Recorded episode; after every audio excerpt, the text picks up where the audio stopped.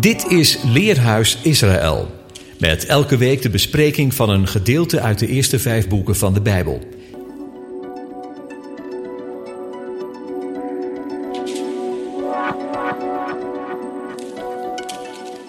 Goeiedag, ik ben Karen Strijker. Vandaag verzorg ik het leerhuis en we hebben twee parashot voor u. Parasha Matot, wat betekent stammen, en ook Matzee, tochten, reizen. We lezen Numeri vanaf 30 vers 1 tot helemaal aan het eind van het boek. En uit de Haftara lezen we Jeremia 1 vers 1, 2 vers 28 en ook 3 vers 4. En nog eens een keer 4 vers 1 en 2. Het is een hele lange lezing vandaag. En we lezen handelingen 9, 1 tot 22, alsmede Jacobus 4, 1 tot 12. Het is een uh, heel verhaal. De parasha begint met de bescherming voor een vrouw wat betreft het maken van een belofte. Haar vader, of als zij getrouwd is, haar man, kan een door haar gedane belofte weer teniet doen. Daar heeft ze een stukje bescherming in. God draagt Mosje op om de Midianieten te verslaan als wraak over de listigheid van de vader van Cosbi, de overste van dit volk. Immers door zijn dochter mee te geven met een van de Israëlieten om hen te doen zondigen. Dat staat in nummer 25 ook al. Alleen de kleine Midianitische meisjes mogen in leven blijven. En lieve help, wat een treurige dag voor deze kinderen, voor hun ouders, hun broers en grote zussen, die worden zomaar, zonder pardon, ter dood gebracht. En dan te bedenken dat Mosje zelf twee zoons heeft van een Midianitische moeder. Was Tsipora op dat moment al gestorven? Blijkbaar wel. Mosje trouwde namelijk ook al eerder met zijn Ethiopische vrouw. En zijn schoonvader Jethro dan, de Midianitische priester, van wie, aan wie Mosje zoveel te danken heeft. Daar hebben we ook al lange niets van gehoord. En hoe dan ook, deze dag zal Mosje niet zijn meegevallen. En dan wordt overigens de buit van de Midianieten verdeeld tussen de strijders van het volk, van Gods volk en de Levieten. Ruben en Gad willen graag blijven in het overjordaanse, in plaats van mee te trekken over de Jordaan naar het beloofde land. En dat mogen ze echter alleen als ze eerst de andere stammen thuisbrengen, als ze meehelpen om het land te veroveren. En dan volgt het overzicht van het aantal keren dat het volk van plaats tot plaats trok. In totaal 42 keer. Dat betekent dat ze in die 40 jaar vaak ook jaren ergens zijn blijven staan. De grenzen van het beloofde land worden aangegeven, de stammen krijgen hun deel en de levieten krijgen hun steden. Zes ervan zijn tevens de vrijsteden voor een ieder die vluchten moet als deze per ongeluk iemand heeft gedood. En de dochters van Tselafeat, die trouwen binnen hun eigen stam op bevel van God, zodat ze hun erfdeel niet verliezen. Het is bescherming voor hen. Tselafeat had immers geen zonen. Dat zien we terug in nummer 27. En dan naar de Haftara, Jeremia, de jonge man uit Anatot, een dorp ten oosten van Jeruzalem, wordt door God geroepen. Hij is aangesteld over de volken en de koninkrijken om af te rukken en weer op te bouwen. Zo zien we dat staan in vers 10. Geen gemakkelijke taak. En in hoofdstuk 2 komt Gods woord tot hem over Jeruzalem en het ontrouwe Godsvolk.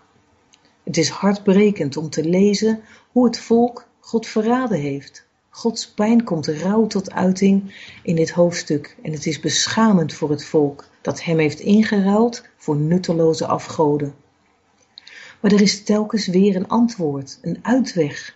Als jullie je bekeren, zult gij dan niet van nu af aan tot mij roepen? U bent de leidsman van mijn jeugd, staat er in 3 vers 4.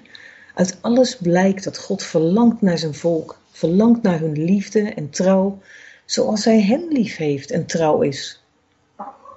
En dan springen we door naar Paulus. De roeping van Paulus, daar gaat het in dit geval om.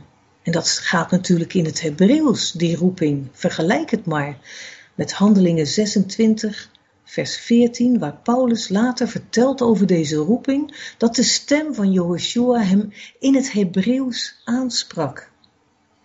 Jeremia is een jonge man en acht zich niet geschikt voor de roeping Gods. En bij Paulus gaat het nog een stapje verder. Hij zit notabene achter de gelovigen in Joshua aan, fanatiek als hij is. Is hij ook niet geschikt voor zijn roeping?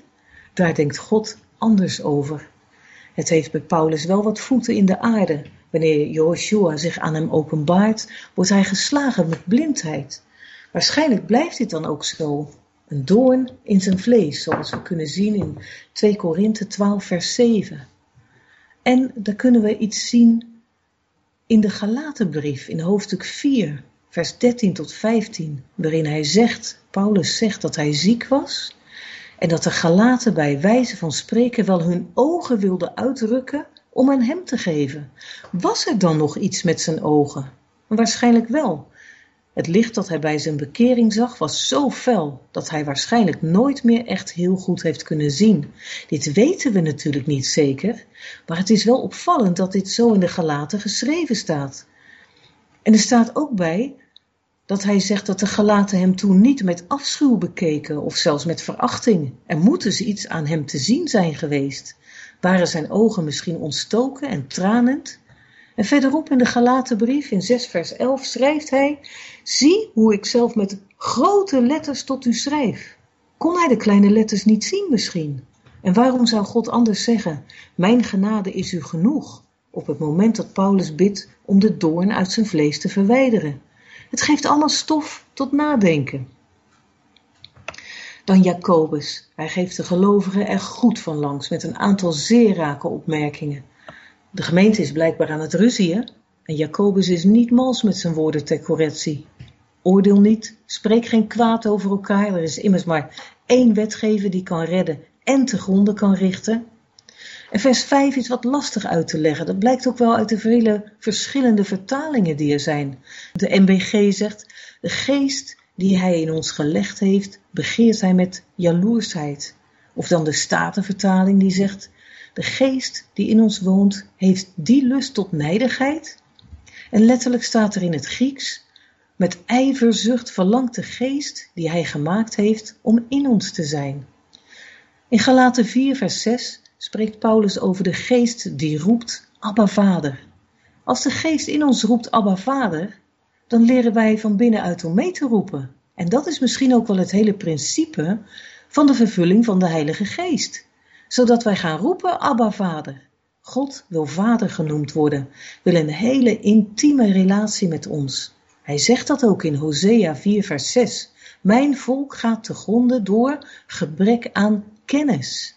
En kennis is hier het woord yada, wat intiem kennen betekent, zoals Adam Eva bekende, seksueel.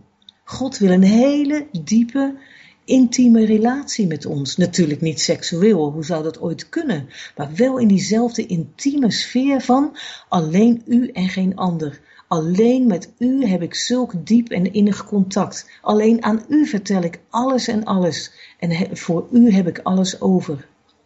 De geest die hij in ons legt, helpt ons om diep, intiem contact met God te hebben. Geen wonder dat Joshua dan ook heeft gezegd dat de zonde tegen de Heilige Geest zo erg is. Want de geest in ons trekt als het ware als een sterke magneet terug naar God de Vader. En als wij daar tegenin gaan, en daar moet je wel heel wat voor doen, dan houden we hem tegen om naar de Vader terug te trekken. En dat mag echt niet. De bedoeling is juist dat Hij ons meetrekt naar de Vader, zodat we Hem intiem leren kennen.